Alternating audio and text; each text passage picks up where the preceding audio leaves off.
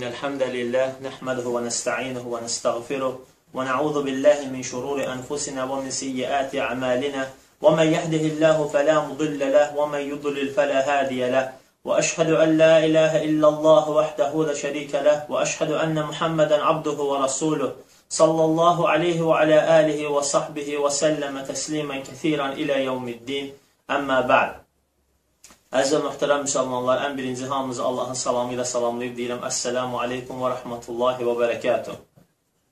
Və sonra Allah subhanahu ta'ala izni ilə istəyirik ki, e, Şeyx Məşhur Hafiz Allahın Axta-ül Musallin adlı kitabından e, faydalanaq, həm özümüz, həm həmçində özümüzdən digər qardaşlarımızı da bu kitab barədə faydalandıraq. Ümumiyyətlə, ən birinci dərsə başlamamışdan öncə qısa olaraq şeyx barədə məlumat vermək istəyirəm və sonra da onun kitabı barədə, sonra inşallah başlayarıq dərsimizə. Şeyx Hafizə Allahın adı tam olaraq belədir. Şeyx məşhur Həsən Əli Səlmən. Yəni, şeyx məşhur, atasının adı Həsən, ailəsinin adı isə Əli Səlmən, yəni Salman ailəsinin, Əli Səlmən. Və bu kitabı hazırlama, bu kitabı şeyx hazırlamağında çox böyük zəhməti var və çox böyük əziyyət çəkib və can qoyub bu kitabı yazmaq üzrə. Və şeyxin özü barədə istərdim qısa sizə məlumat verəm kitaba keçməmişdən öncə. Şeyx, Şeyx Albani Rahimahullahın ən böyük tələbələrindən sayılır. Və Şeyx Albani mədrəsəsinin davamçılarından sayılır. Və nəinki davamçıların, demək olar ki, Şeyx Albani mədrəsəsi iki böyük şeyx üzrə, şeyx üzrə davam edir. Onlardan biri şeyx məşhur və digəri isə şeyx Ali Əl-Hələbidir. Allah subhanətə ikisini də qorusun. Və ikisi də doğrudan da çox əziyyət çəkiblər Şeyx Albaninin, Şeyx Albaninin dərslərində. Ondan çoxlu faydalar götürüblər. Hətta Şeyx Albani öz, öz sağlığında onları tərifləyib, onlara təskiyə verib və onların böyük elm tələbəsi olacağı barədə xəbər verib. Çünki onların çalışqanlığın və elm tələb etməkdə qoyduqları zəhməti, əziyyəti gördüyü üçün. Hətta Şeyx Albani özü öz sağlığında, öz sağlığında onlardan bəzi şeylərdə istifadə edir. Çünki Şeyx Albani baxsanız məşhur kitabı olan Silsilətül Hədisi Sahih adlı kitabına görəsiniz ki, orada bəzi məsələlərdə Şeyx öz rəyindən çəkinib. Şeyx öz rəyindən çəkinib və qeyd edir ki, qardaşımız Şeyx Əli, Şeyx Əli, yəni Şeyx Əli Hələbi və yaxud qardaşımız Şeyx Məşhur deyəndən sonra mən də araşdırdım və fikrimi dəyişdim. Məsələn, şeyx əvvəl məsələn, bir hədisə həsən demişdisə və ona tələbələri səhih demişsə, sonra səhih deyib və yaxud zəif demişdilərsə, araşdırıb sonra zəif deyib. Bu şeyxin həmçin təvəzzükarlığını göstərir və həmçin də tələbələri daha da çalışqan olmağa sövq eləməyin göstərir. Və bu günə qədər də onlar bu mədrəsənin davamçılarıdır. Bu yolda can qoyurlar. Və şeyx məşhur e, hansı ki bilirsiniz, tanıyanlar bilir ki, Sahih Muslimi şərh eləyir. Təxminən 18 il bundan öncə Muslimi şərhinə başlamışdı. Və Muslimi indiyə qədər nə qədər şərh olunubsa, bu minhəc üzrə hələ indiyə qədər tarix boyu şərh olunmamışdı. Ona görə də uzun müddət tələb edir. Çünki Şeyx məşhur Hafizahullah Sahih Muslimi İmam Muslimin öz minhəci üzrə şərh eləyir. Və bu da doğrudan da böyük bir cühud və zəhmət tələb eləyir. Və o ki, qaldı ki, şeyxin bu kitabı yazmasına, şeyx bu kitabı yazmasına əsas səbəb, əsas səbəb müsəlmanlar arasında, müsəlmanlar arasında ən böyük ibadət olan, namazda olan xatalarıdır. Ona görə də şeyx bu kitabı belə adlandırıb. Qavlul mubin fi axta'il musallin. Qavlul mubin fi axta'il musallin. Yəni, namaz qılanların xatası barə, xataları barədə əzəmətli söz, böyük bir söz, yəni fayda. Və doğrudan da bu günlər əgər biz baxsaq, dünyada ümumiyyətlə hər ölkədə olur olsun, istər ərəb ölkələrində, istər qeyri-ərəb ölkələrində, əgər baxsaq müsəlmanların halına, doğrudan da görərik ki, müsəlmanlar öz namazlarında nə qədər xatalara yol verirlər. Bu xatalara baxsaq, üç qismə bölünür. Bəziləri namazdan öncə olur, Bəziləri namaz əsnasında olur, bəziləri isə namazdan sonra olur. Və Şeyx Hafiz Allah təqribən bütün bu xataları əhatə edib öz kitabında. Baxmayaraq ki, özü qeyd edir ki, bu xataların hamısı deyil. Bu xataların hamısı deyil. Sadəcə Şeyx ən məşhur, ən çox yayılan, müsəlmanların ən çox üzərinə vərdiş etdiyi xatalara toxunur. Və xüsusən də onların ən böyüklərinə. Hansı ki, namazın bəziləri sıxətinə xələl gətirir, bəziləri də görsə namazın savabını azaldır və bəziləri də görsə insanı günaha sala bilər. Necə ki, kitab əsnasında gələcək. Və şeyx ilk olaraq kitabına müqəddimə ilə başlayır və alimlər, alimlərin adəti olaraq, baxmayaraq bəzi alimlər bəzi kitablarına müqəddimə verməmişlər. Məsələn, buna misal çəkmiyorlar İmam Buxari öz səhih hədislər kitabına müqəddimə verməmişdir. Buna da öz səbəb var. Məsələn, Muhammed ibn Abdülvahab öz Tohid kitabına görsən ki, oxuyanda görsən ki, ona müqəddimə vermir. Baxmayaraq onu şərh eləyənlər öz müqəddimələrini versələrdir. Və adətən alimlər həmişə kitabların başlayanda müqəddimə ilə başlayırlar. Və Şeyx Hafizəllah da öz kitabların xütbətəl həcə ilə başlayır. Necə ki, bu da Peyğəmbər sallallahu aleyhi və səlləmin əzəmətli və daima üzərinə e, sabit qaldığı sünnətlərdən biridir. Və həmçində sahabələrin və sonra onlardan sonra gələnlərin. Və belə başlayır. İnnəl hamdəlillah, nəhməduhu və nəstəinuhu və nəstəğfiruhu və na'udhu billahi min şururi anfusina və min seyyiati amalina. Men yehdihillahu fela mudille leh ve men yudlil fela hadiye leh. Ve eşhedü en la ilahe illallah vahdehu la şerike leh ve eşhedü enne Muhammeden abduhu və rasuluh. Və tərcüməsi belədir. Allaha həmd edirik, və ondan kömək istəyirik. Və ondan bizi doğru yola yönətməyini və bizim günahlarımızı bağışlamağı diləyirik. Və günahımızın, nəfsimizin günahlarından Allaha sığınırıq və pis əməllərimizdən də eləcə. Və sonra buyurur ki, Allah kimi doğru yola yönəldərsə, onu azdıran tapılmaz. Və Allah kimi azdırarsa, ona doğru yol yönəl, ona doğru yol göstərən tapılmaz və şəhadət gətirirəm ki, Allahdan başqa ibadətə haqqı olan məbud yoxdur və onun heç bir şəriki də yoxdur və şəhadət edirəm ki, Muhammed Allahın qulu və elçisidir. Və sonra bu ayələri gətirir. Ya eyyuhəllezina amanuttaqullaha haqqa tuqatihi və la tamutunna illa və entum muslimun. Ey iman gətirənlər, Allahdan haqqı ilə qorxun və yalnız müsəlman olduğunuz halda ölün. Növbəti ayədə Yə əyyuhənnəsu ttəqu rabbakumulləzi xaləqakum min nəfsi vahidə və xaləqə minhə zəvcəhə və bəthə minhumə ricalən kəsirən və nisəə vəttəqullaha ləzi təsəəlunə bihi vəl-ərham innallaha kənə aleykum rəqibə Ey insanlar! Allahdan qorxun! O Allah ki, sizi bir nəfsdən yaratmışdır, yəni Adəmdən və sonra da ondan öz zövcəsini yaratmışdır və sonra da ondan bir çox kişilər və qadınlar yaratmışdır. Qorxun Allahdan ki, onun adı ilə biri-birinizdən istəyirsiniz və həmçinin birləşdirirsiniz, yəni qohumluq əlaqələrin.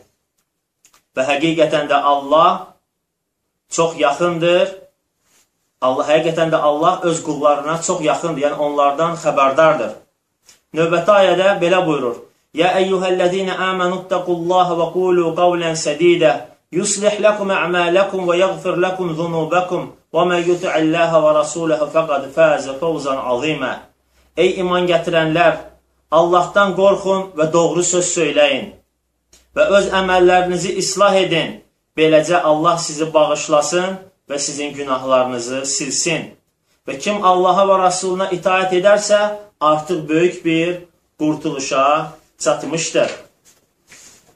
Sonra belə buyurur, əmmə bəd, yəni sonrasına gəldikdə isə və Peyğəmbər sallallahu aleyhi və səlləm də daima öz xütbələrində əmmə bəd sözün işlədərdi.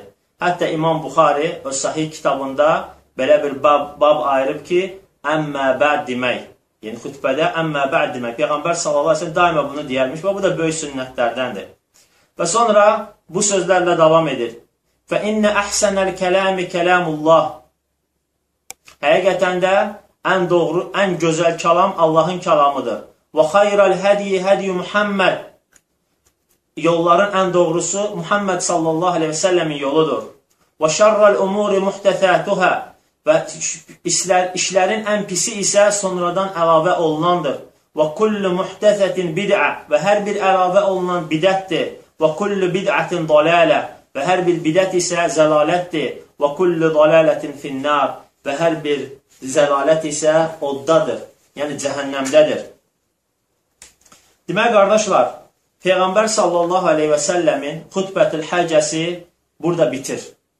Və Peyğəmbər sallallahu aleyhi və səlləmdən sonra necə ki, sahabələr və bu günə qədər də o yolu davam edənlər öz dərslərin, öz xütbələrin və öz kitabların daima bu xütbətül həcə ilə açardılar. Və məşhur bir e, rivayətdir ki, Peyğəmbər sallallahu aleyhi səlləmdən varid olub.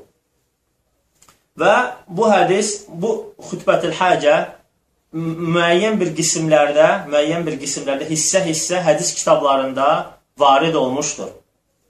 Və bu oxuduğumuz isə e, xütbətül həcə, bunu İmam Muslim öz səhih kitabında rivayət etmişdir. Həmçin Əbu Davud Sünən adlı əsərində bunu rəvayət etmişdir. Həmçin İmam Nəsai bunu rəvayət etmişdir. Və Hakim bunu rəvayət etmişdir. Və Tayalisi Musnəd əsərində bunu rəvayət etmişdir. Həmçin İmam Beyhəqi Sünənül Kubra əsərində və İbn Məcə Sünən adlı əsərində bu xütbətül həccəni rivayət etmişdir. Və doğrudan da bu Peyğəmbər sallallahu aleyhi ve sellemlə varid olan əzəmətli sünnətlərdən biridir. Və sonra şeyx öz sözlərinə belə başlayır. فهذا كتاب القول المبين في أخطاء المصلين يتدمن بيان أخطاء المصلين التي درجوا عليها və sözlərinə belə başlayır. Deyir ki, bu kitab hansı ki belə adlandırılıb, böyük söz xata edən müsəlmanlar, müsəlmanların xatalarında, yəni müsəlmanların, namaz qılanların xatalarında və hər şeyi kitabdan ərəbcə oxumayacaq, Ümumiyyətlə, baxacaq ayələri, hədisləri və alimlərdən bəzi mühüm qayda olaraq nəsə gəlibsə, və onları ərəbcə oxuyarıq. Qalanların isə inşallah çalışaq ki, sadəcə tərcüməsini oxuyaq ki, çox da vaxt aparmasın. Və deyir ki, bu kitab müsəlmanların üzərinə vərdiş etdikləri xataları barədə yazılmışdır. Hansı xatalar ki, görsən müsəlmanlardan söz olaraq varid olub, Bəzi xatalar var ki, əməllər olaraq müsəlmanlar öz tərəflərindən bunu ixtira ediblər. Onların bəzi, bəziləri namazın ərkanlarındadır, bəziləri isə namazın sünnətlərində ortaya çıxmışdır. Görsən ki, bəziləri onlardan doğrudan da namazın özündəndir. Yəni, sonradan əlavə olunmuş sözlər və yaxud feillər deyil. Sadəcə insanlar onların namazda yerlərini dəyişiblər. Sadəcə onların insanlar namazda nə inəyib, yerlərini dəyişiblər. Və yaxud da onu şəriətin gətirmədiyi bir şəkildə tətbiq eləyirlər.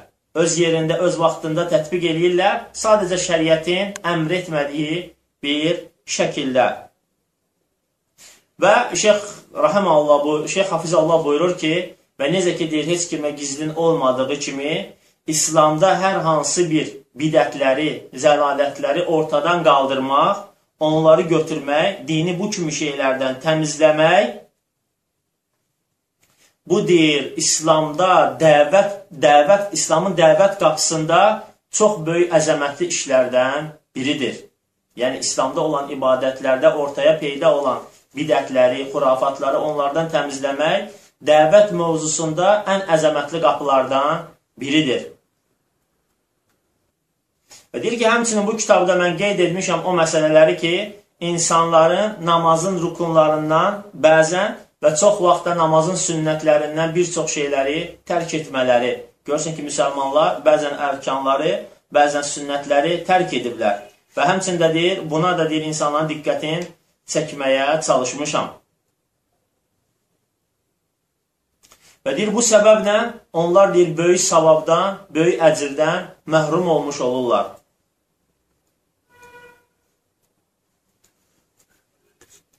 Və deyir ki, ey əziz deyir, oxucu qardaşım, şeyx belə müraciət edir, ey əziz oxucu qardaşım, bilginən ki, həqiqətən də namaz İslamın 5 arkanından biridir. Həqiqətən də namaz İslamın 5 arkanından biridir. Və deyir ki, bu deyir, İslamda tohiddən sonra, yəni İslamın birinci rukunu olan Əşhədü ən la ilə illallah və əşhədü ənə Muhammedə Rasulullah bu ərkanından sonra, tovhid ərkanından sonra ikinci ən böyük rukunudur. Və deyir ki, necə ki, Peyğəmbər sallallahu aleyhi və səlləm xəbər verdiyi kimi, əgər müsəlmanın namazı yerli yerində olarsa, əgər müsəlmanın namazı yerli yerində olarsa, onun bütün əməlləri də yerli yerində olar. Və əgər müsəlmanın namazı yerli yerində olmazsa, onun digər əməlləri də fasid olub gedər, yəni zay olub gedər. Ona görə də namazın İslamda çox böyük rolu var, həmçində müsəlmanın öz həyatında. Və deyir ki, bu məsələlər, hansı ki, bu xatalar peyda olmasına səbəb, peyda olmasına səbəb insanların deyir, bu, bu məsələ barədə, namaz barədə, namaz barədə az maraqlanmalarıdır. Az buna səy göstərmələlidir. Və deyir ki, mən bu kitabı yazmaqda əsas məqsədlərimdən də biri olub, biri olub ki, insanları, insanları, onlara yaxşılığı əmr etmək və insanları pislikdən çəkinmək, çəkindirmək. Necə ki, bilirsiniz, əmru bil məruf və nəhy anil münkər İslamın böyük prinsiplərindən biridir. İslamın böyük prinsiplərindən biridir ki, yaxşılığı əmr edib və pislikdən çəkindirmək. Və nəinki böyük işlərdən, böyük ibadətlərdəndir, hətta o, hər bir müsəlmanın üzərinə vacibdir, əgər, əgər bacardığı təqdirdə. Və deyir ki, məhz mənim kitabım da bu məqsəd üzrə çap olunub. Və deyir ki, bu qısa sözlərindən sonra kitabı barədə və yenə də kitabı barədə açıqlama verərək belə buyur. Ümumiyyətlə bilin ki, əgər hər hansı bir kitaba müqəddimə yazılıbsa, o müqəddimə kitabı başa düşməyə, düzgün başa düşməyə və asan başa düşməyə bir köməkdir. Ona görə də əgər Sahih Buxari ilə Sahih Muslimi yanaşı tutsan bu nöqteyi nəzərdən ki, müqəddimə nöqteyi nəzərdən İmam Muslim müqəddimə yazmış, Buxari isə yazmamışdır. Ona görə bu yöndən Sahih Buxarini başa düşmək, sözsüz ki, mühəddislərsin, başa düşmək Sahih Muslimi başa düşməkdən daha asandır. Və ümumiyyətlə hər hansı bir kitabda əgər müqəddiməyə baxmasaq, müqəddiməni oxumasaq, o kitabı başa düşmək bizim üçün heç də asan olmaz. Ona görə məqsədimiz odur ki, birinci dərsdə müqəddimə ilə tanış olaq. Müqəddimə yəni ki, başlanğıc. Və şeyx müqəddiməsinə belə davam edir. Buyurur ki, deyir, mən bir, bu kitabı 7 qismə bölmüşəm.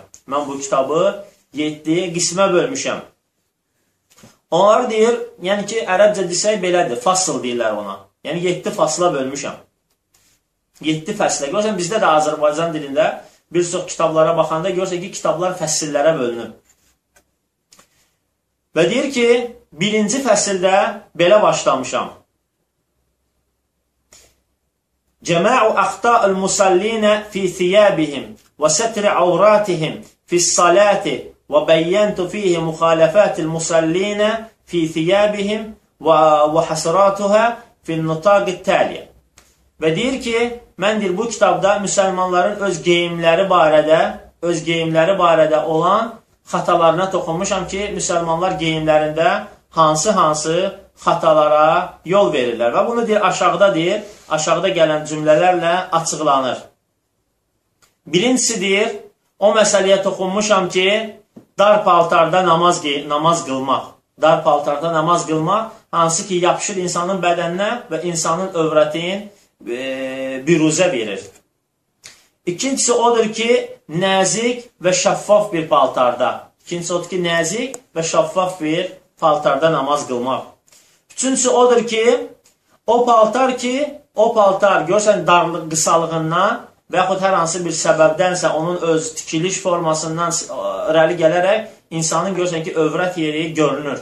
Məsələn, buna misal çəkmiyorlar, bugünkü müasir cavanların geydiyi güdək köynəklər, hansı ki, görürsən, insan rukiyə gedəndə, səcdiyə gedəndə insanda görünməsi qadağan olan üzvlər görünür namazda. Və ona da bir işarə edir.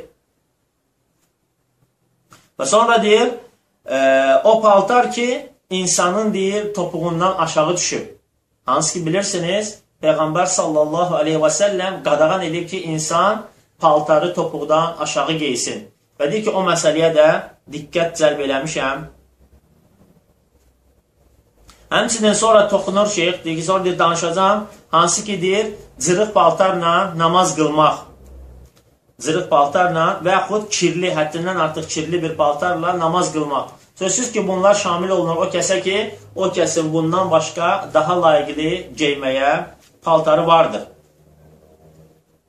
Həmçinin sonra deyir, toxunuram o məsələyə ki, deyir, hansı ki, insan çiyini açıq olaraq namaz qılmaq, insan çiyini açıq olaraq namaz qılmaq, bu da qadağandır. Əslində, bunlar hamısı barədə hədislər və yaxud əsərlər gəlib, inşallah kitabın əsnasında, dərslərimiz əsnasında hamısı ilə tanış olacaq.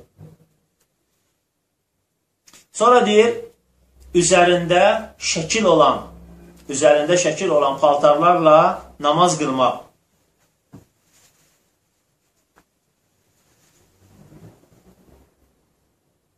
Həmçinin sarı rəngli, həddindən artıq sarı, sarı rəngli olan paltarla namaz qılmaq. Və eləcə də danışmışam öz kitabımda başı açıq namaz qılmağın hökmü barədə.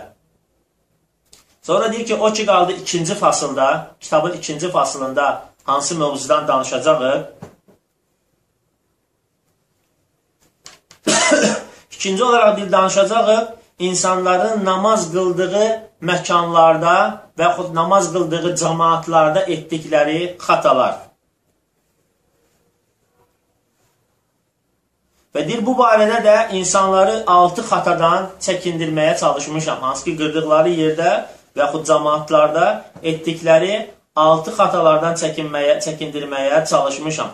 Deyir, onlardan ən birincisi odur ki, bidətçi rafizlərlə namaz qılmaq.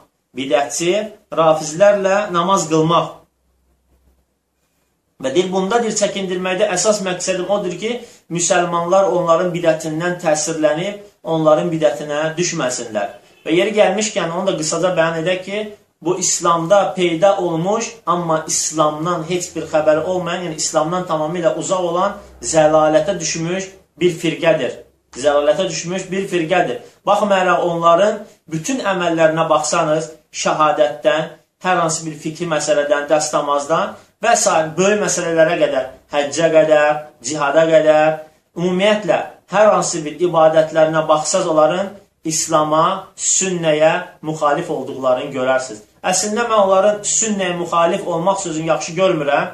Çünki nəinki sünnəyə, onlar ümumiyyətlə külliyə olaraq İslama ziddir onların bütün əməlləri, nəinki ibadətləri, Nəinki fikri məsələlərdə, ümumiyyətlə onlar etiqad məsələlərdə İslamdan çox-çox uzaq, azğın, zəlalətə düşmüş bir firqədir. Allah subhanətə Allah bizi hamımızı o cür firqəliyə düşməkdən və o cür zəlalətə və küfrə düşməkdən qorusun. Baxmayaraq, əhl-i sünnə vəl cəməə öz rəhmətindəndir ki, şəfqətindəndir ki, onlar avamların təkfir eləmir. Onlar avamların təkfir eləmir. Baxmayaraq, bəzi alimlər hətta avamların belə təkfir eləyir. Amma Ən doğru rəy odur ki, Allah subhanahu ta'ala doğrusunu bilir.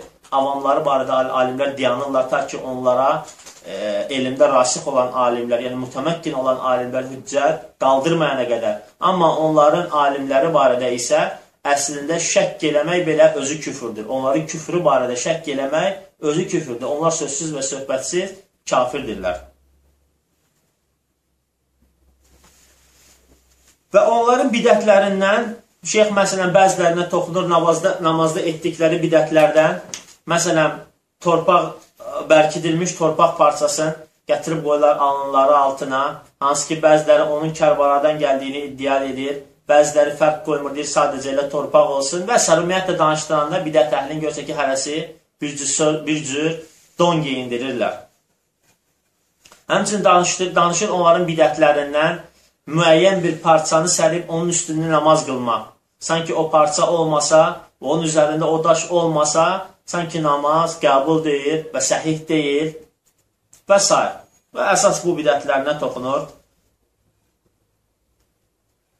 Sonra deyir, növbəti deyir, insanları çəkindirdiyim bu məsələdə olan bidətlərindən odur ki, namaz qılan məkanlarda, otaqlarda və s. bu kimi yerlərdə e, daha doğrusu şəkil olan otaqlarda, dükanlarda və s. bu kimi yerlərdə namaz qılmaq. Və əfsuslar olsun ki, yenə birinci məsələyə qayıtsaq ki, rafizlərin bu mardə olan bidətləri, onların nəinki evlərində, dükanlarında, hətta onların mescidlərində belə onlar şəkillərdən salamat qalmamışlar. Hətta mescidlərinə girəndə kilsələrdən daha çox şəkil görmüş olursa onların mescidlərində. Həmçinin o yerlərdə ki, həddindən artıq bəzək-düzək vurulub, istər ev olsun, istər məscid olsun, istərsə hara olursa olsun. Orada da ən azından o bəzək vurulan tərəfə namaz qılmaq xatadır. E, çünki insanın fikrin yayındırır və s. İnşallah şeyx özü həmin fasılda, ikinci fasılda bu barədə də geniş danışacaqlar. Və həmçinin Şeyx Qadağan e, kitabda çəkindirir insanları növbəti xatalarından qəbir olan yerlərdə namaz qılmaq və bu da yenə əfsuslar olsun ki, müsəlmanlar artıq bu böyük bəlaya da düçar olublar.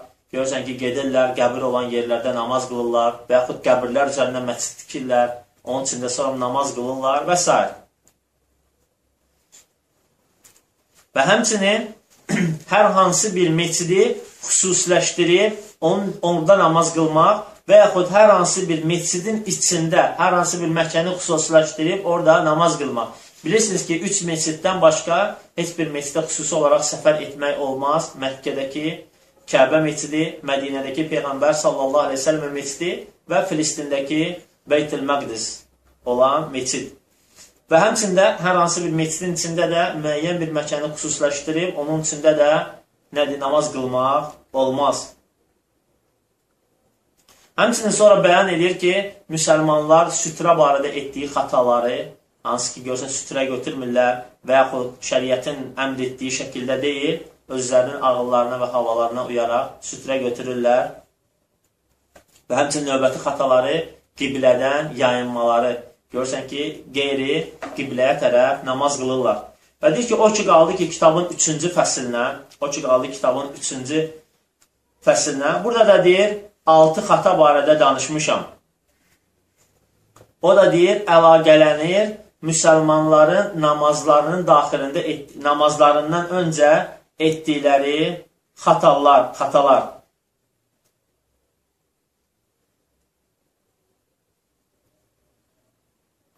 Və deyir ki, bunu da 6 qismə bölmüşəm. 6 qismə bölmüşəm. Onlardan birincisi məsələn odur ki, insanlar səslə niyyət etmək. Görürsən, gəlib dayanırlar namaza, möhkəm səslə niyyət eləyirlər. Və həmçinin təkbiratul ehramla, yəni ilk təkbirlə yanaşı cürbəcür özlərindən sözlər əlavə eləyirlər təkbirdən öncə. Məsələn, onlardan misal çəkilən səmi'nə və ata'nə İmam təkbir edən kimi deyirlər səmi'nə və ata'nə eşitdik və itaat etdik, sonra təkbir gətirirlər və s. bu kimi sonradan əlavə olunan bidət sözlər. Və həmçin görürsən, bəziləri namazın sözlərini deyərkən dillərini tərpətmirlər. Bunu tələffüz etmirlər. Həmçin növbəti xatalarından bu, bu fəsildə görürsən, əllərini qaldırmırlar. Təkbiratul ehramda əllərini qaldırmırlar. Və həmçin rukudan qalxanda və s. bu kimi e, namazın qismlərində, hansı ki, əlləri qaldırmaq lazım olan yerdə əllərini qaldırmırlar. Həmçinin təşəhhüddə, ikinci təşəhhüddə və axırıncı, birinci təşəhhüddə və axırıncı təşəhhüddə oturanda şəhadət barmağı qibləyə istiqamət tutub və onu tərpəlmək və s. bu kimi hərəkətləri görsən, müsəlmanlar tərk ediblər. Həmçin sonra toxunmuşdum olan rukularında etdikləri xatalar, rukunu tam etmirlər, düzgün ruku etmirlər.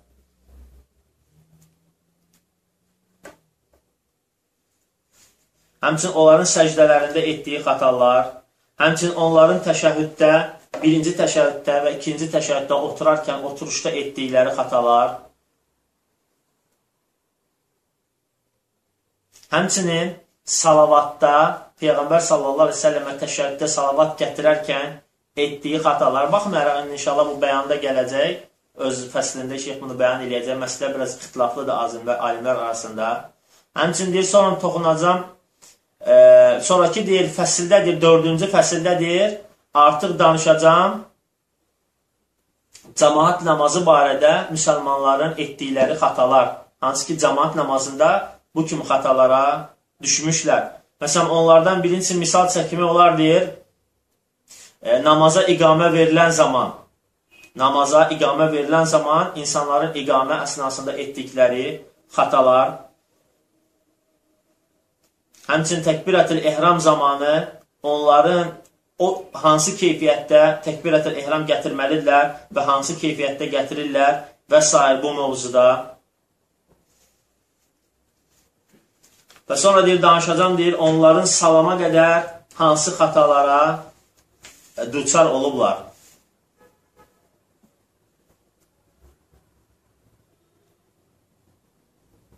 Həmçin onların cəmaat namazlarına gecikmələri barədə onları cəmaat namazlarına gecikməyə barədə və yaxud cəmaat namazlarına gəlmələr, gəlməmələri barədə etdikləri xatalar.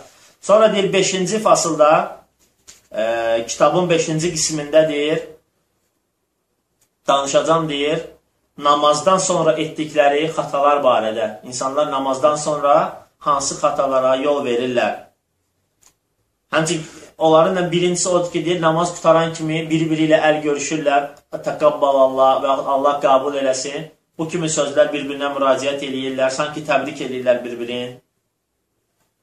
Həmçinin zikir məsələlərində etdikləri xatalar və zikirlərdən, namazdan sonraki bəzi zikirləri tərk etməkləri barədə,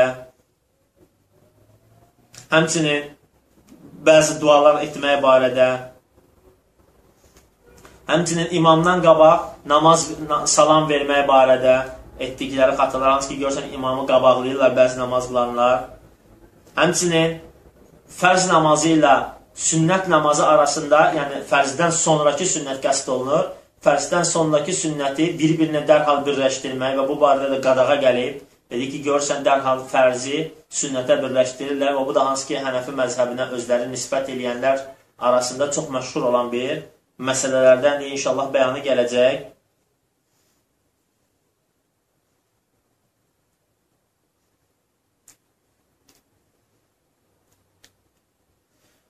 Və sonra deyir, bundan sonra danışacaq deyir, onların deyir, namazdan sonra, namaz imam salam verib qutarandan sonra səcdiyə gedib səcdədə dayanıb dua etməkləri barədə,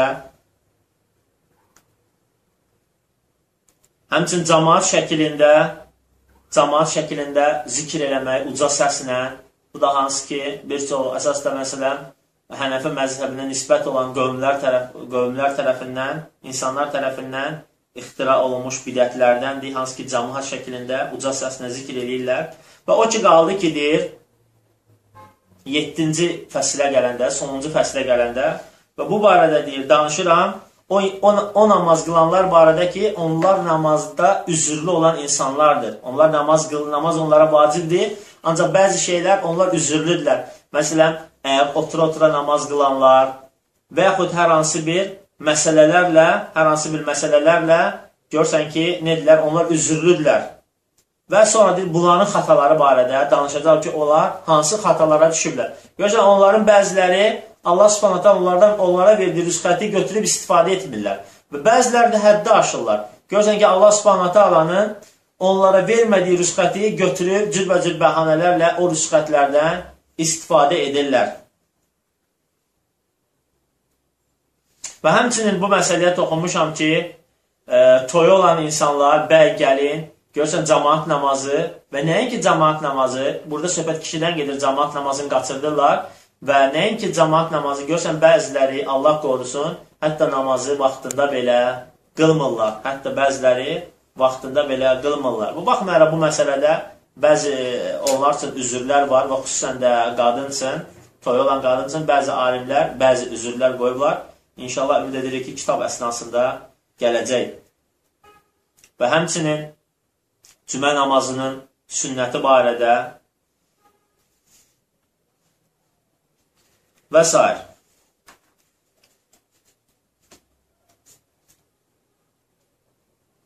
Və sonra deyir, mən deyir, bu öz kitabımda çalışdım ki, çalışdım ki, bu xataları müalicə edim. Çalışdım ki, bu xataları müalicə edin və baxsanız ki, doğrudan da şey, ancaq səhih hədislər və əsərlər gətirir ki, və insanlar neynəsin? Bu etibarlı rivayətlərdən fayda götürsünlər və özləri bu namazlarında etdikləri xataları bir daha etməsinlər. Və həmçin qeyd edir ki, bu kitabda heç də deyir, elə bilməyin ki, mən bütün xataları qeyd etmişəm, bütün namazların bütün xataları qeyd etmişəm, əslində belə deyil.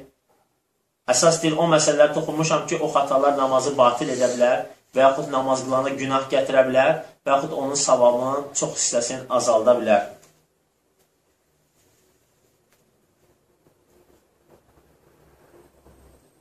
Və həmçin toxunmuşam o məsələlərə ki, görürsən ki, bəzi məsələlər alimlər arasında ixtilaflıdır. Alimlər arasında ixtilaflıdır. Bəzi alimlərə görə o xata sayılmır, digərlərinə görə isə xata sayılır. Və hansı tərəfin ki, dəlilləri daha səhihdirsə, daha mötəbərdirsə və digər tərəfin etdikləri əməlləri xatı olaraq etibar etmişəm. İstər sözlərdən olsun, istərsə də əməllərdən, istər əməli etmək və istərsə də onu tərk etmək yönündən olsun.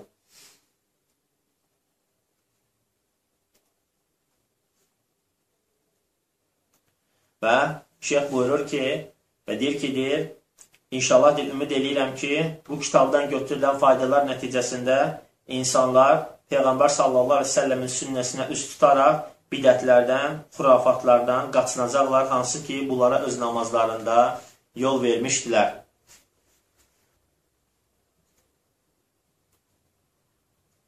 Və deyir ki, müsəlman ümumiyyətlə bilməlidir ki, bu namaz elə belə bir ibadət deyildir. Elə belə ibadət deyildir. Və deyir, həqiqətdə müsəlman deyir, namazla qəlbi rahatlıq tapmalıdır. Namazla o insan yəqinlik hiss etməlidir öz qəlbində. O namaz deyil, onun gözünün nuru olmalıdır. Və s. Və həmçin deyir ki, bu xataları da izah etməkdə, əsas məqsədimiz odur ki, bu xataları izah etməkdə insanlar neynəsinlər? O xataları anlasınlar, bilsinlər. Çünki deyir, insan xataları bilməsə, şərri bilməsə, xeyrə nail ola bilməz. Və bu barədə e, şairin gözəl sözlərini gətirir və şair belə buyurur. Ariftul şerra la ariftul şerra la li şerrin lakin li lakin li tawqihi. Və deyir ki, mən şərri öyrəndim, bildim, şərrə görə deyil və xeyrə nail olmaq üçün, şərrə düşməmək üçün. Və mən la ya'rifu şerra minəl xeyri yaq'a fihi. Və deyir ki, kim ki deyir, şərri xeyirdən ayıra bilməsə, və o insan şərrə düşəcək. Və buna misal çəkmək olar, Huzeyf ibn el-Yəmən radiyallahu anhu belə buyurur. كان الناس يسألون الرسول صلى الله عليه وسلم عن الخير وكنت أسأله عن الشر مخافة أن يدركني Deyir ki, insanlar deyir, Peyğəmbər sallallahu aleyhi səlləmlə daima xeyir barədə soruşurlar. Mən isə şər barədə soruşurdum, şərə düşmək qorxusundan dolayı.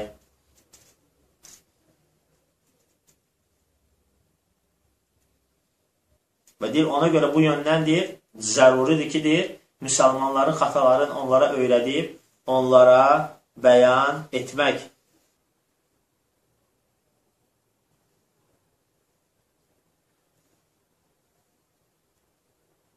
Və deyir ki, namaz elə bir ibadətdir ki, namaz elə bir ibadətdir ki, necə öncədə toxunduq, insana rahatlıq verir və insan bununla öz Rəbbinin köməyinə yetişmiş olur.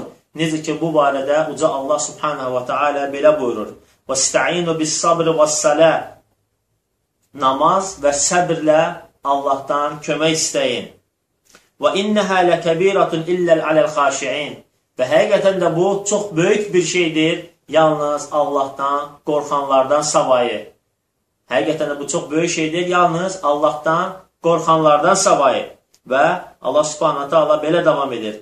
Əllədinə yadunnuna ennəhum mulaqu rabbəhum və ennəhum ileyhi raciun. Və həqiqətən də onlar öz Rəblərinə, onlar bilirlər ki, öz Rəblərinə üz tutacaq və ona tərəf döndürüləcəklər. Və doğrudan da qardaşlar, namazın İslamda çox böyük bir məqamı vardır. Namazın İslamda çox böyük bir məqamı vardır. Və baxsanız ki, namazı Allah subhanahu ta'ala necə insanlara fərz edib və onda artıq insan dərk eləmiş olar ki, namazın İslamda nə qədər böyük yeri vardır. Və bilirsiniz, Peyğəmbər sallallahu aleyhi ve səlləmi Allah subhanahu ta'ala meyraca qaldırmışdır. Hansı ki, Məkkə devrinin sonlarında ən səhih görüşə görə Məkkə devrinin sonlarında Allah subhanahu ta'ala Peyğəmbər sallallahu əleyhi və səlləmi meyraca qaldırmışdı. Və Cəbrail əleyhissalam gəlir. Hədis uzundur. Sadəcə mövzumuza aid məsələyə toxunmaq istəyirəm Meyrac məsələsində, Meyrac mövzusunda. Cəbrail əleyhissalam gəlir, gecə yarısı Peyğəmbər sallallahu əleyhi və səlləmi Məkkədən Qüdsə aparır və buna isra deyilir. Buna isra deyilir. Və sonra da Qüdsdən onu Allahın dərgahına qaldırır və bu da Mi'rac adlanır.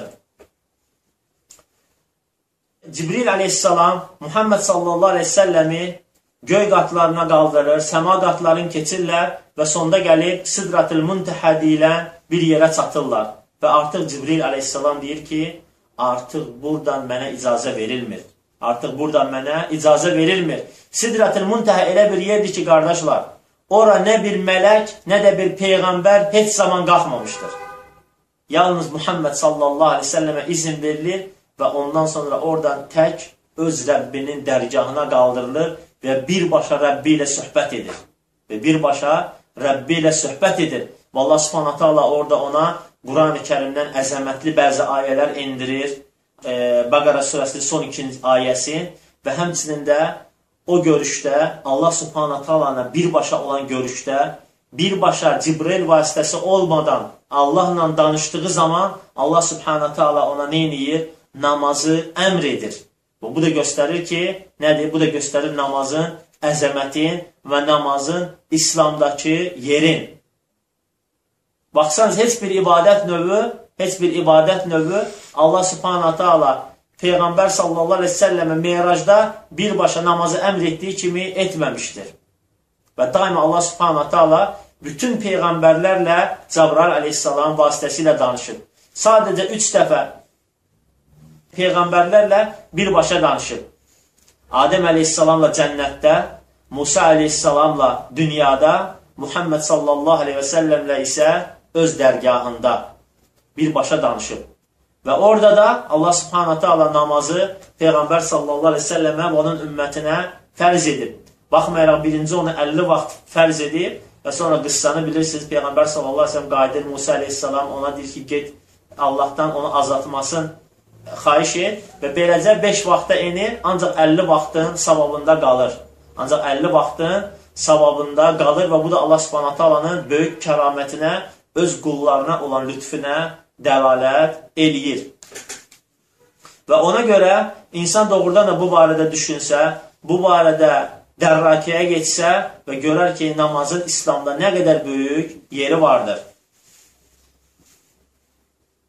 Və İmam Əhməd bu barədə çox gözəl sözlər demişdir. İmam Əhməd bu barədə çox gözəl sözlər demişdir və bunu inşallah sizə orijinal formasını ərəb dilində necə yazılıbsa eləcə də oxuyub və sonra tərcümə eləyəcəm ki, ərəb dilində bilən qardaşlar daha da çox ləzzət almış olsunlar.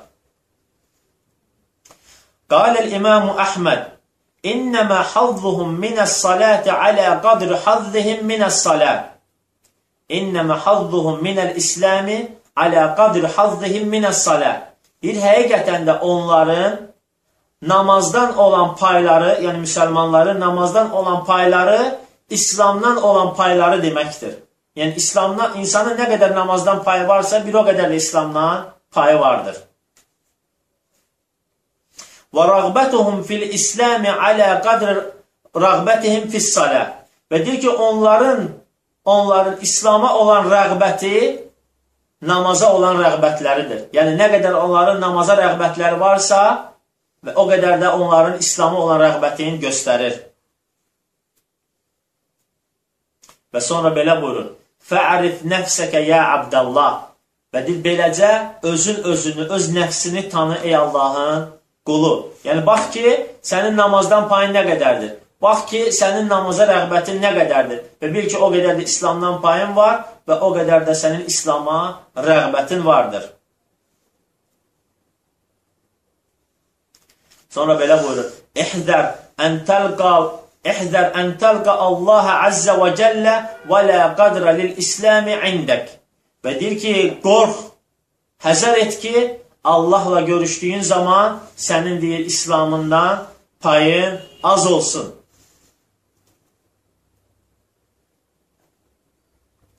Və sonra belə buyurur: "Fə inna qadral İslami fi fi qalbik ka qadris salati fi qalbik." Və deyir ki, nə qədər ki İslamın, nə qədər ki namazın sənin qəlbində qədri qiyməti varsa, bilginən ki, İslamın da o qədər sənin qəlbində qədri və qiyməti vardır. Və həmçin İmam Əhməd sonra başqa bir yerdə bu sözləri deyir.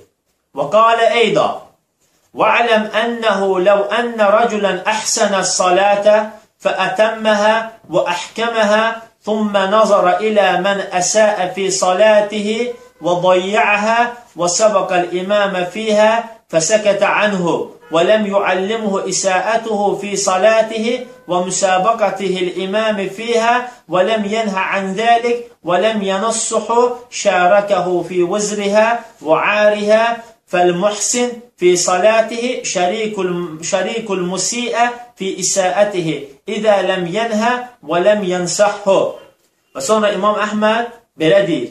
Deyir ki, bilin ki, bilin ki, o kəs ki, namaz qılır və yaxud insanlara imam olaraq namaz qıldırır və ona tabi olan insanlar və yaxud onun ətrafında olan insanlar namazlarında bəzi səhvlər edirlər və əgər o imam, o dəvətçi, o insan ətrafında olan bu insanlara buna təbliğ edib, insanları bundan çəkindirmirsə, bilsin ki, onun da oradan payı vardır.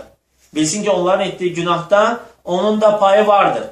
Və həmçinin də o insan, o insan Necə ki, onlar namazlarında xatalar edirlər, onu düzəltmirlər və imam da onu düzəltmir, onlara əmr edib yaxşılığı və pislikdən çəkindirmirsə, bilsin ki, onlarla bu əməllərində şərikdirlər. Və sonra Şeyx Məşhur, Hafizəhullah İmam Əhmədin, hansı ki, Əhl-i Sünnə və Cəməənin imamı adlanan bu böyük bir əzəmətli alimin gözəl sözlərindən sonra belə davam edir.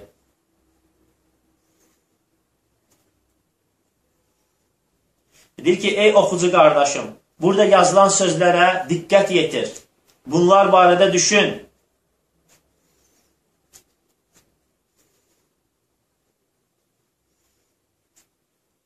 Və deyir, əgər burada olan şeylərdən, dəlillərdən, nəsiyyətlərdən, əgər qani oldunsa, o zaman deyir, neynə? Bununla heç də kifayətlənmə ki, öz xatalarını düzəltdin. Əksinə, bunu insanlara öyrət və insanları bu cür xatalarından çəkindir. Və deyir, xüsusən də o kəs ki, rəhbərdir, başçıdır, ibrətdir və xüsusən də o kəs artıq bu şeyləri bildikdən sonra öz ətrafında olan insanları da bundan çəkindirsin. Və doğrudan da qardaşlar, bizim məqsədimiz bu kitabı götürüb bundan dərs keçməkdə əsas məqsədimiz də elə budur. Əsas məqsədimiz də elə budur ki, çünki Peyğəmbər sallallahu aleyhi və səlləm buyurur ki, Lə yu'minu əhadukum həttə yuhibbə li əxihi mə yuhibbu li nəfsi. Və deyir ki, sizlərdən o kəs iman gətirməz, ta ki, özünə istədiyi şeyi qardaşına istəmədikcə. Və biz də necə ki, özümüzə istəyirik ki, namazımız doğru olsun, səhi olsun, kamil olsun və eləcə də bütün qardaşlarımız üçün bunu istəyirik. Necə ki, şeyh Allah onu hifz etsin, bunu bizlərə tövsiyə edir. Və deyir ki, necə ki, deyir, İmam Əhmədin sözlərində gəldiyi kimi, bil ki, əgər deyir, bunu etməsən, əgər sənin gücün, qüvvətin varsa ki, insanları buna çağırmağa, öyrətməyə bilginən ki, artıq etməsən, sən də onlarla bu işdə şərik olmuş, olurla, olursan. Və deyir, Allah bizi qorusun, Allaha sığınırıq bu işdən.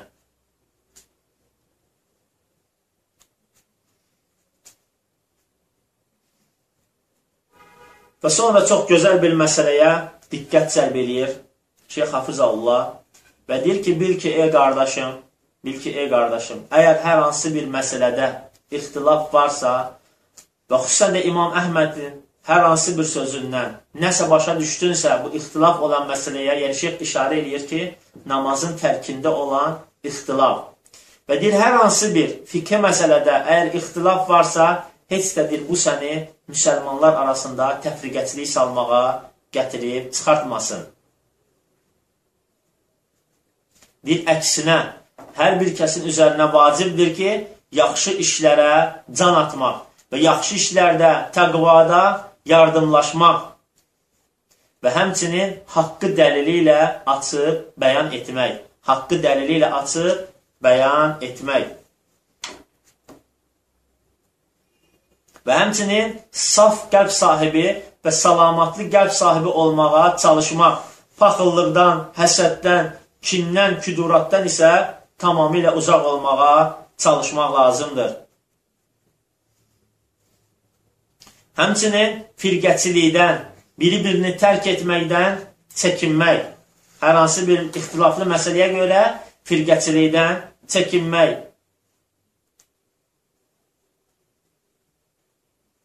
Və deyir ki, Allah subhanətə Allah həqiqətən də müsəlmanları bir olmağa, parçalanmamağa çağırmışdır. Və sonra Allah Subhanahu taalanın bu gözəl mübarək ayəsini zikr edir. "Va'tasimu bihablillahi cemi'a və la tafarraqu." Bir Allahın ipindən hamılıqla yapışın və parçalanmayın, təfriqəçiliyə çevirməyin. Və qardaşlar, mən burada Şeyx Məşhur Rahmanullahın iki gözəl, iki sözünə əlavə olaraq toxunmaq istəyirəm. Şeyx burada bu cümlədə sözünü bitirdikdən sonra birincisi odur ki, deyir, deyir ki, dəlili açıq aydın, deyir, bir şeyi açıq aydın dəlili ilə izah et. Və doğrudan da qardaşlar, çox məsələ İslamda fikir məsələ, əgər baxsanız, böyük əksəriyyəti məsələlərin ixtilaflıdır. Əgər biz hər hansı bir ixtilafa görə, hər hansı bir ixtilafa görə bir-birimizdən üz döndərsək, daha doğrusu hər hansı bir ixtilafa görsə, dəlilsiz, subutsuz o rəyi daşısıq və ona insanları çağırsıq və o rəyi daşımayan insanları bidətlərdə, fasiqlikdə, hər hansı bir şeydə ittiham etsək, onda bilin ki, artıq İslamda birləşməli heç bir şey qalmır. Və müsəlmanların birliyindən söz gedə bilməz. Çünki dedik ki, fikir məsələləri böyük əksər, hətta bəzən ki, 95% fikir məsələlər ixtilaflıdır. Və sözsüz ki, hər bir ixtilaflı möhtəbər ixtilaf da sayılmır. Hər bir ixtilaf möhtəbər ixtilaf sayılmır. Ancaq bunu dərk edənlər azdır və xüsusən də bəzi insanlar ümumiyyətlə havasına nəyə gəlirsə, baxmayaraq möhtəbər ixtilaf olsun, möhtəbər ixtilaf olmasın, götürüb onunla gedirlər. Ona görə ən birincisi dəlildir. Və bu barədə İbn-i Hüseymin Rahiməllahın çox gözəl sözünü nəzərinizə çatdırmaq istəyirəm. Və İbn-i Hüseymin də doğrudan da əsrimizin böyük alimlərindəndir. Hansı ki, alimlər özü nəinki ümmətinsə, alimlər özü onu valida, ata adlandırırlar. Onu atamız adlandırırlar. Və doğrudan da Peyğəmbər sallallahu aleyhi ve sellem sünnəsinə ən birinci Allahın kitabına çox böyük xidmət göstərmişdir. Və bu dəvətdə, tohid dəvətində böyük əməyi və səyi vardır və həqiqətən də məllim idi. Həqiqətən də məllim idi. Və onun məllimliyinə dəlalət eləyən bir sözün burada mövzumuza münasib olduğuna görə nəzərinizə çatdırmaq istəyirəm. Şeyx Rahimullah belə buyurur. İstədil, thumma ətəqid. Və lə tə'təqid, thumma istədil fətadil. Deyir ki, birinci dəlilə bax. Birinci dəlil gətir, sonra etiqad et. Etiqad edib, sonra dəlil axtarsan, artıq zəlalətə düşmüş olursan. Açıq desək. Görsən ki, bəzi insanlar, görsən ki, bəzi insanlar hər hansı bir rəyi daşıyırlar və yaxud hər hansı bir məzhəbə söykəniblər. O məzhəbdə götürdüyü bu rəyi götürür və onunla qani olur. Dəlil sübut axtarmadan. Götürür, onunla qani olur. Belə insanlar adətən hava əhli olurlar. Götürüb o rəylə qani olur, ondan sonra başlayır o rəyə, o rəyi gücləndirən dəlillər axtarmağa. O rəyi gücləndirən dəlillər axtarmağa, əks tərəfin dəlillərinə isə bilə-bilə göz yumur. Bilə-bilə göz yumur. Və İbn Seymin deyir ki, birinci dəlilə bax, sonra etiqad elə. Birinci dəlilə bax, sonra etiqad ki, çünki neynəsən, hər bir tərə, hər tərəfin dəlillərinə baxasan və alimlərin baxasan hansı rəy götürməklərinə və necə götürməklərinə və xüsusən necə tətbiq eləməklərinə və eləcə də onu götürüb öz həyatında, ibadətlərində və itaətlərində və müsəlman cəmiyyətində onu tətbiq edəsən, necə ki, Rabbani alimlər onu tətbiq etmişdilər. Əks təqdirdə isə, deyir ki, əks təqdirdə isə, əgər deyirsən, etiqad edib, sonra dəlil axtarsan, edir zəlalətə düşmüş olasın. Və bu günlərdə biz bütün ölkələrdə və əfsuslar olsun öz ölkəmizdəki də qardaşlar arasında belə şeyin şahidi oluruq. Görsən, hər hansı bir şeyi, hər hansı bir insandan eşidirlər, istər etibarlı insan olsun, istər etibarsız, qani olur. Və qani olduqdan sonra başlayır buraya ətrafında dəlillər axtarmağa, o rəyin gücləndirməyə və qarşı tərəfə isə aşağı gözlənən baxmağa. Və xüsusən də bu məsələdə, bu namazın tərki məsələsi, hansı ki, Şeyx Məşhur ona işarə elədi, e, çox da açıq olmayan sözlərlə, yəni sadəcə işarə elədi ki, ixtilaflar sizi korlamasın. Çünki İmam Əhmədin bəzi sözlərindən bəzi insan, bəzi alimlər bəzi nəticələr çıxardır. Namazın tərki barədə bəzi rəylər deyirlər. Ona görə bu sözləri nəql edəndən sonra Şeyx Məxşur Hafizallah bu sözlərə toxundur. Və o ki qaldı ki, ikinci diqqətinizi cəlb etmək istədiyim məsələ o da odur ki, deyir, e, biri birinizi deyir, e, bu dedir səbəb olur deyir, insanlar biri birini tərk etməyə. Və bu barədə də ikinci ümmətin müasir müəllimi olan böyük alimi olan İbn Baz rahimehullahın sözünü sizə gətirmək istəyirəm. Deyir ki, həzə zəmən leysə zəmənül həcr. Deyir ki, bu zaman, bu bizim zaman heç sədir tərk etmək zamanı deyil. Yəni, həcr bilirsiniz, İslamdandır.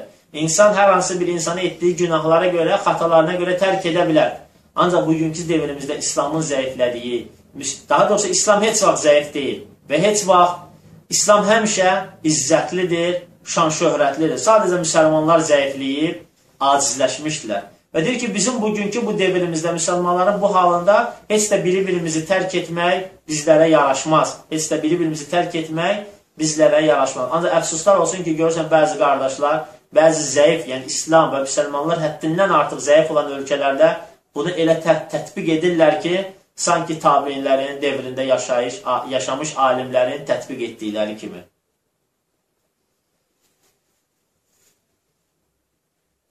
Və sonra Allah Subhanahu taalanın bu ayəsini zikr etdikdən sonra Şeyx Məşhur Peyğəmbər sallallahu əleyhi və səlləmin bu sözlərinə toxunur. İnnallaha yarda lakum thalatha. Allah Subhanahu taala sizin üçün 3 şeylə razı qaldı. Ən ta'buduhu və la təşriku və la tuşriku bihi şey'a. Ona ibadət etməniz və ona heç bir şey şərik qoşmamanız. Və ən ta'tasimu bihablillahi cemi'an və la tafarraku. Allahın ipindən hamılıqla yapışmaq və təfriqəçiliyə düşməmək. Allahın ipi dedikdə alimlərin bəziləri buna Allahın dini kimi təfsir ediblər, bəziləri Quranı kimi, bəziləri sünnə kimi, hamısı Allahın izni ilə doğrudur. Sonra Peyğəmbər sallallahu əleyhi və səlləm belə buyurur: "Və en tanasahu min vulahillahi əmrikum." Və deyir sonra deyir öz rəhbərlərinizə nəsihət etmək. Burada nəsihət iki məna daşıyır iki məna. Birincisi, nəsiyyətin həqiqi forması nəsiyyət etmək. İkincisi, o rəhbərlərə, istər alimlər olsun, istər başçılar olsun, onlara səmimiyyətlə tabi olmaq. Da, o tabiçilik yox ki, nəsə verəndə tabi olmaq, verməyəndə asi olmaq. Həqiqi bir tabiçiliklə, səmimi o tabiçiliklə tabi olmaq. Bu hədisi İmam Muslim və İmam Əhməd rivayət etmişlər. İmam Müslim öz sahih əsərində və İmam Əhməd isə Musnəd əsərində rivayət etmişdir. Və deyir ki, Şeyx Məşhur Hafizəllah və deyir, hamımızın üzərinə vacibdir ki, Allahdan qorxmaq və salaf salihin yolun getmək, hansı ki, bizdən əvvəl getmişdilər və bu yoldan möhkəm yapınmaq, möhkəm yapışmaq və haqqı ilə, haqqı ilə dəvətdən, yəni gerçək bir şəkildə dəvət etmək, yəni o yola gerçək bir şəkildə dəvət etmək.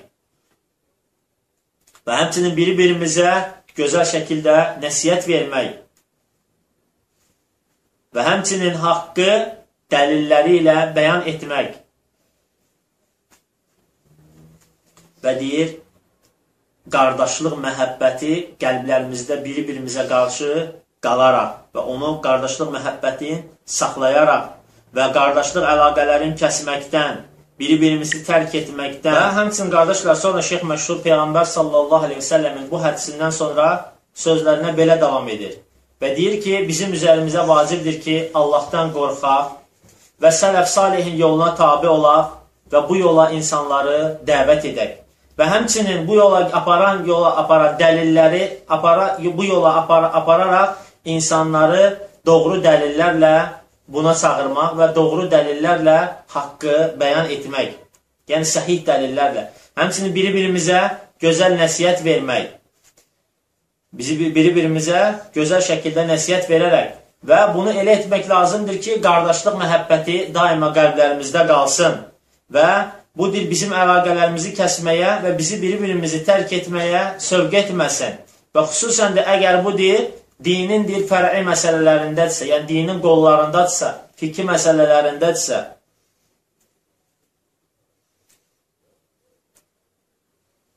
Və deyir, ola bilsin ki, hər hansı bir iştihadi məsələlərə görə müsəlmanlar bir-birlərinə qarşı müxtəlif rəylərdə müxalif olsunlar. Ancaq deyir, bu heç də deyir, onları bir-birinə qarşı düşmənçiliyə gətirib çıxartmamalıdır.